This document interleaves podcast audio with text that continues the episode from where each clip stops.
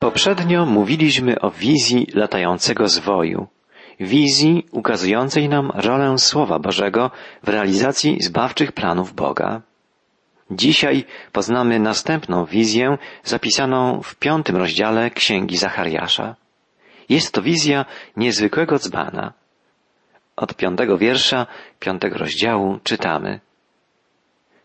Potem ukazał się anioł, który mówił do mnie i rzekł, podnieś oczy i popatrz na zbliżający się przedmiot. Po raz kolejny Zachariaszowi, jak widzimy, ukazuje się anioł i wzywa proroka, podnieś oczy, to znaczy otwórz oczy szeroko i popatrz na zbliżający się przedmiot. Nie jest to więc sen, nie jest to zjawisko z pogranicza UFO, jest to wizja ukazana prorokowi po to, by pod postacią symbolicznego obrazu przekazał ludowi ważne Boże poselstwo. Zachariasz, tak jak w przypadku poprzednich widzeń, rozmawia z aniołem, pełniącym rolę przewodnika, tłumacza. Zapytałem, co to jest? Odpowiedział, zbliża się dzban. I dodał, to zresztą można zobaczyć w każdym zakątku świata. Zbliżający się przedmiot to dzban, dosłownie efa. Efa to naczynie, jak wyjaśnia anioł, które można zobaczyć w każdym zakątku świata. Rzeczywiście, Efa była w tamtym czasie naczyniem bardzo popularnym. Stanowiła jednostkę miary pojemności. Można ją było zobaczyć w niemal każdym domu, a także na straganach, targowiskach, bo służyła odmierzaniu między nimi ziarna, zboża. Dzisiaj dzbany używamy do celów dekoracyjnych. Wkładamy w nie najczęściej bukiety kwiatów. Ale w czasach współczesnych Zachariaszowi Efę, duży dzban, kojarzono głównie z handlem. Zachariasz opowiada dalej. Potem podniosła się owiana pokrywa i zobaczyłem we wnętrzu dzbana siedzącą kobietę. I rzekł, to jest bezbożność. I zepnął ją z powrotem do wnętrza dzbana, a otwór zakrył ołowianą płytą. Kobieta we wnętrzu dzbana to bezbożność, wyjaśnia anioł. Bezbożność to wszystko, co człowiek robi bez Boga, wbrew Bogu, niezgodnie z wolą Boga. W tym przypadku chodzi głównie o chciwość i nieuczciwość, bowiem Efa używana była w celach handlowych i w jej wnętrzu powinna znajdować się zawsze jednakowa miara. Bóg wielokrotnie piętnował nieuczciwość kupców i w ogóle chciwość, niepowstrzymaną chęć bogacenia się całego społeczeństwa ludzkiego, a szczególnie mieszkańców Jerozolimy. Jedyny znany nam z Ewangelii opis wyraźnego gniewu Jezusa związany był z problemem oszustwa i chciwości. Jezus rozgniewał się, gdy ujrzał na terenie świątyni jerozolimskiej wielkie targowisko gdzie o zyski ze sprzedaży zwierząt ofiarnych i z obracania walutą świątynną rywalizowali ze sobą kupcy. Cały tłum kupców, handlarzy, bankierów i pątników. Zamiast wyciszenia i skupienia modlitewnego w Bożym domu panował rejwach, rozlegały się krzyki ludzi spierających się o cenę czy o wagę. Od początku Bóg przestrzegał swój lud przed chciwością i nieuczciwością. Piętnował fakt, że bogaci Izraelici wyzyskiwali i uciskali biedotę, że zamiast składać w ofierze zdrowe, drodne zwierzęta, ofiarowywali Panu nieraz zwierzęta słabe, kalekie. Nie przestrzegali też lat szabatowych przy uprawie zbóż, bo żal im było zysków z tych lat, kiedy mieli dać odpocząć ziemi. To nieposłuszeństwo Bogu spowodowane było chciwością, pragnieniem zagarnięcia jak największej ilości dóbr materialnych. I właśnie to było jedną z głównych przyczyn tego, że lud izraelski został wypędzony z ziemi obiecanej. Bóg posłał ich do niewoli, bo ich postępowanie było dla niego obrzydliwe. Niestety także po powrocie Izraelitów z niewoli babilońskiej, prywata, chciwość, pazerność ludzka dały o sobie znać. Prorok Ageusz musiał apelować, by ludzie więcej wysiłku i środków materialnych zaangażowali w odbudowę świątyni jerozolimskiej, gdyż zajmowali się głównie swoimi prywatnymi domami, podczas gdy dom Boży leżał w ruinach. Niektórym spośród repatriantów izraelskich wiodło się w Babilonie całkiem dobrze i powrócili do Jerozolimy ze znacznym dobytkiem. Nie byli skłonni pomagać uboższym rodakom. Nechemiasz musiał apelować, by bogacze nie pożyczali biednym kwot na wysoki procent. Właściwie zabraniało tego od początku prawo mojżeszowe, a jednak Nechemiasz musiał przypominać o tym i apelować o życzliwość względem ubogich. Chciwość, prywata, materializm, niepohamowana chęć bogacenia się to problem także naszych dni. Niestety, kierowani chciwością, miłością pieniędzy, chęcią panowania nad innymi, ludzie posuwają się do nieuczciwości, do korupcji, bezwzględnego wyzysku, oszustwa, grabieży. To wszystko bardzo nie podoba się Bogu. Pan Jezus opowiedział przypowieść oddającą w pełni Boże spojrzenie na takie postępowanie ludzi. Przypomnijmy treść tej przypowieści zapisanej przez ewangelistę Łukasza, gdyż ukazuje ona ten sam problem, co wizja proroka Zachariasza. Piętnuje ludzką nieuczciwość i chciwość.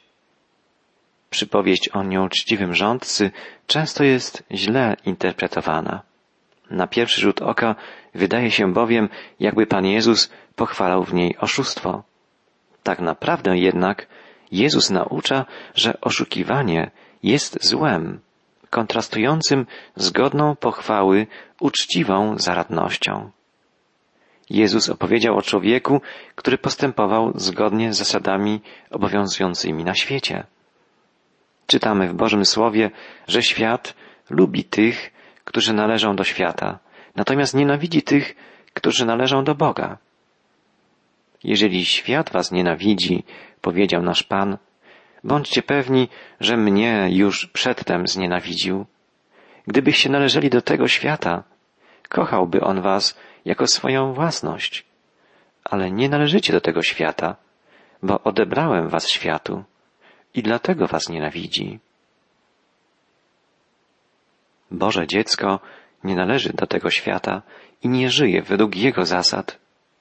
W liście do Galacjan apostoł Paweł napisał, Nasz Pan, Jezus Chrystus, oddał siebie w ofierze za nasze grzechy, aby wyzwolić nas z obecnego złego świata, zgodnie z wolą Boga, naszego Ojca. W liście do Rzymian znajdujemy taki apel apostoła Pawła. Nie upadabniajcie się do tego świata, ale poddajcie się przemianie, by odnowił się wasz umysł, abyście umieli rozróżnić, co jest dobre, doskonałe, zgodne z wolą Boga. Apostoł Jan w swoim liście wzywał, nie miłujcie świata, ani rzeczy, które są na świecie. Świat rządzi się swymi prawami i obrotny rządca, o którym opowiedział Jezus, postępował zgodnie z tymi prawami, prawami rządzącymi światem.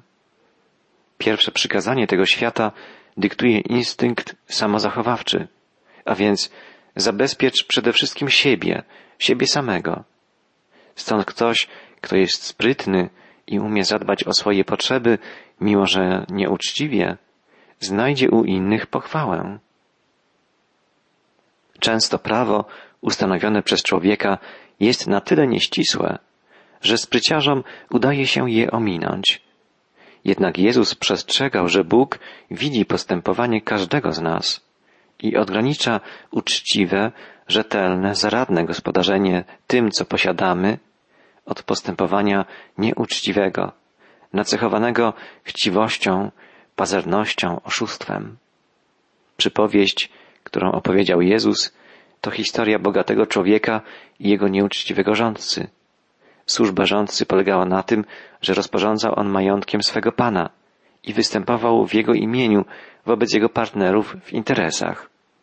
Rządcę z czasów Jezusa można by porównać do dzisiejszego dyrektora korporacji, który zarządza całą firmą i jest odpowiedzialny tylko przed właścicielem. Rządca ten roztrwonił część majątku swego pana. Przywołał więc go do siebie i rzekł mu, cóż to słyszę o tobie?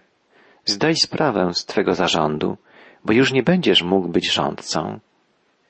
Właściciel zażądał od swego sługi rozliczenia się z zarządzania majątkiem. Sługa, zamiast sporządzić raport finansowy, zdecydował, że załatwi sprawę w sposób, który podpowiada mu instynkt samozachowawczy. Na to rządca rzekł sam do siebie. Co ja pocznę, skoro mój pan pozbawia mnie zarządu? Kopać nie mogę, żebrać się wstydzę. Człowiek ten nie przywykł do pracy. Miał delikatne dłonie i nie umiał zrobić niczego konkretnego. Wstydził się żebrać. Pomyślmy, wstydził się żebrać, a nie wstydził się kraść i oszukiwać. Niestety i dzisiaj jest wielu ludzi podobnych do niego. Wiem, co uczynię, żeby mnie ludzie przyjęli do swoich domów, gdy będę usunięty z zarządu. Przywołał więc do siebie każdego z dłużników swego pana i zapytał pierwszego, ile jesteś winien mojemu panu? Ten odpowiedział, sto beczek oliwy.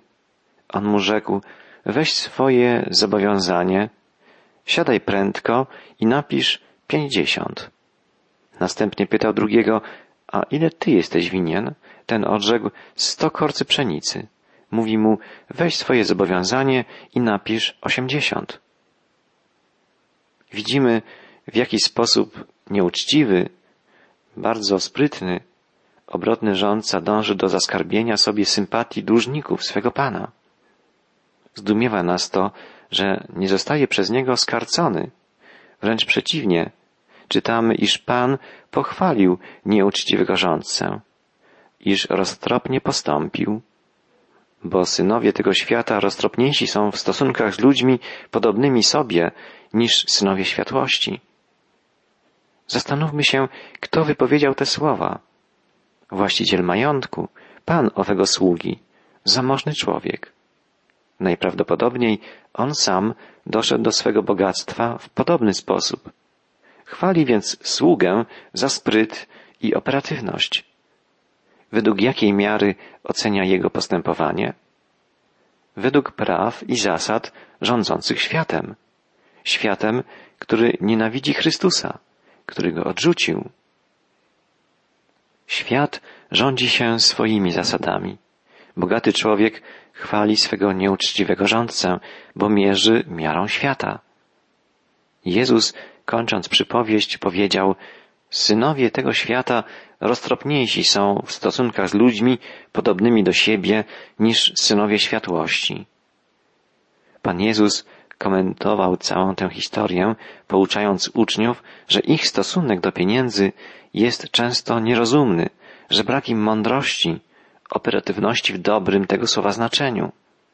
Jezus opowiedział tę przypowieść dla wyrysowania kontrastu, dla uświadomienia uczniom ich naiwności i niewiedzy, nieporadności odnośnie sprawnego, właściwego wykorzystania dóbr materialnych. Jezus powiedział wtedy jeszcze, ja też wam powiadam, pozyskujcie sobie przyjaciół niegodziwą mamoną, aby gdy wszystko się skończy, przyjęto was do wiecznych przybytków. Czym jest niegodziwa mamona? Oczywiście chodzi o pieniądze. Nie są one złe same w sobie. Są złe dlatego, że ludzie źle ich używają, nieuczciwie zdobywają i niewłaściwie wydają. Zło tkwi nie w samym pieniądzu, ale w stosunku człowieka do pieniądza. Zło rozpoczyna się, gdy w człowieku rodzi się miłość pieniądza. To miłość pieniądza jest korzeniem zła, a nie sam pieniądz. Pan Jezus naucza, że zdrowy stosunek do pieniądza i mądre użytkowanie wszelkich dóbr materialnych jest jedną z cech i jednym z obowiązków wymaganych od Jego uczniów. Jezus oczekuje, że i w tej dziedzinie będziemy mądrze i właściwie postępować. Wtedy, gdy przyjdzie koniec naszego życia, zostaniemy przyjęci do wiecznych przybytków. Gdy okażemy się wierni w tym, co małe, otrzymamy dostęp do niebiańskich bogactw. Ich wartość jest nieporównanie większa niż wartość jakichkolwiek bogactw na ziemi. Posłuchajmy jeszcze tych słów Jezusa. Kto w drobnej rzeczy jest wierny, ten i wielkiej będzie wierny.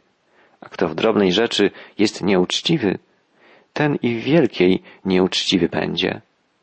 Jeśli więc w zarządzie niegodziwą mamoną nie okazaliście się wierni, prawdziwe dobro kto wam powierzy? Jeśli w zarządzie cudzym dobrem nie okazaliście się wierni, kto wam da wasze? Nie jesteśmy właścicielami dóbr, którymi dysponujemy tu na ziemi. Jesteśmy tylko ich szafarzami, sługami Boga. Odpowiemy przed Bogiem za to, w jaki sposób zarządzaliśmy Jego dobrami. Czy my, jako chrześcijanie, dobrze dysponujemy powierzonymi nam środkami? Jest to bardzo ważne, żebyśmy jako jednostki, jako organizacje misyjne, kościelne, charytatywne, mądrze i sprawnie zarządzali pieniędzmi i wszelkimi środkami materialnymi powierzonymi nam przez Boga. Świadomi swojej odpowiedzialności przed Panem, tym bardziej powinniśmy starać się i w tej dziedzinie być dobrymi Jego sługami. Zadajmy sobie to pytanie, czy mądrze gospodarzymy tym, co mamy?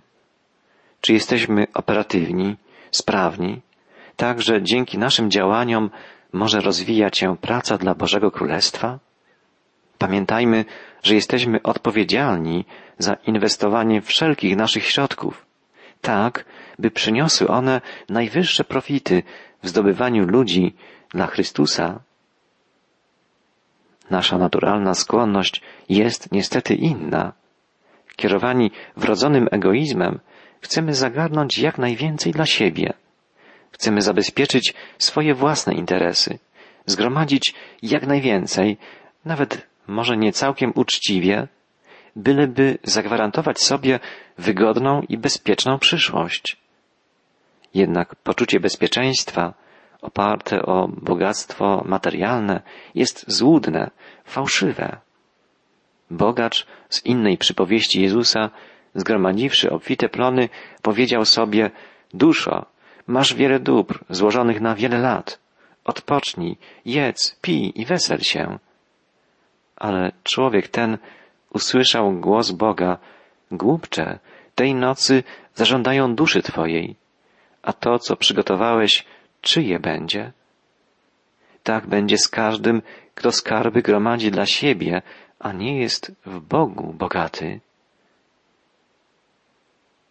Kiedy spojrzymy na życie z perspektywy wieczności, musimy powiedzieć, że jest ono zmarnowane, jeśli jest jedynie krzątaniną wokół spraw doczesnych, zabieganiem o dobra materialne. Wszystko, co materialne, jest nietrwałe. Jedynie dobra duchowe mają nieprzymijającą wartość. Powinniśmy w Bogu być bogaci. Powinniśmy gromadzić sobie skarby w niebie. A jednak nieraz o tym zapominamy i żyjemy tak, jakby nasze życie toczyło się tylko tu i teraz, jakby liczyło się tylko to, co zdołamy zdobyć, nagromadzić w naszych domach, lodówkach, szafach, kieszeniach, portfelach. Chciwość, zachłanność, materializm to coś, co Bogu się nie podoba i co nam przeszkadza w dostrzeżeniu prawdziwego sensu i celu życia. Dlatego Bóg rozprawi się z wszelką chciwością. Spójrzmy, jak kończy się wizja proroka Zachariasza. Świadczy on, potem, podniósłszy oczy, patrzyłem i oto ujrzałem dwie kobiety. Zbliżały się na skrzydłach, rozpostartych na wietrze, niby skrzydła bociana, i poniosły dzban wysoko między niebem a ziemią. Zwróciłem się do anioła, który do mnie mówił z zapytaniem, dokąd one poniosą ten dzban?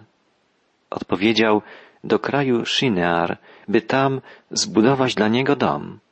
Tam złożą dzban na ustalonej dla niego podstawie. Nie wdając się w szczegóły symboliki tego obrazu, możemy podkreślić, że jest to zapowiedź usunięcia bezbożności, o której była mowa, i wydalenie jej poza obszar przebywania ludu Bożego. Takie oczyszczenie z wszelkiej nieuczciwości, chciwości, zachłanności nastąpi ostatecznie w czasach końca. W Księdze Objawienia świętego Jana czytamy o upadku światowego systemu zła, systemu wyzysku, korupcji, rozdmuchanej konsumpcji, rozrywki i wyuzdania. Biblia nazywa ten światowy system zła Babilonem. Czytamy w osiemnastym rozdziale Księgi Apokalipsy Widziałem anioła zstępującego z nieba, który miał wielkie pełnomocnictwo i rozjaśniła się ziemia od jego blasku. I zawołał donośnym głosem Upadł, upadł wielki Babilon i stał się siedliskiem demonów i schronieniem wszelkiego ducha nieczystego i schronieniem wszelkiego ptactwa nieczystego i wstrętnego. Gdyż wszystkie narody piły wino szaleńczej rozpusty jego i królowie ziemi uprawiali z nim przeteczeństwo, a kupcy ziemi wzbogacili się na wielkim jego przepychu. I usłyszałem głos z nieba mówiący, wyjdźcie z niego, ludu mój, abyście nie byli uczestnikami jego grzechów i aby was nie dotknęły plagi na niego spadające, gdyż aż do nieba dosięgły grzechy jego i wspomniał Bóg na jego nieprawości.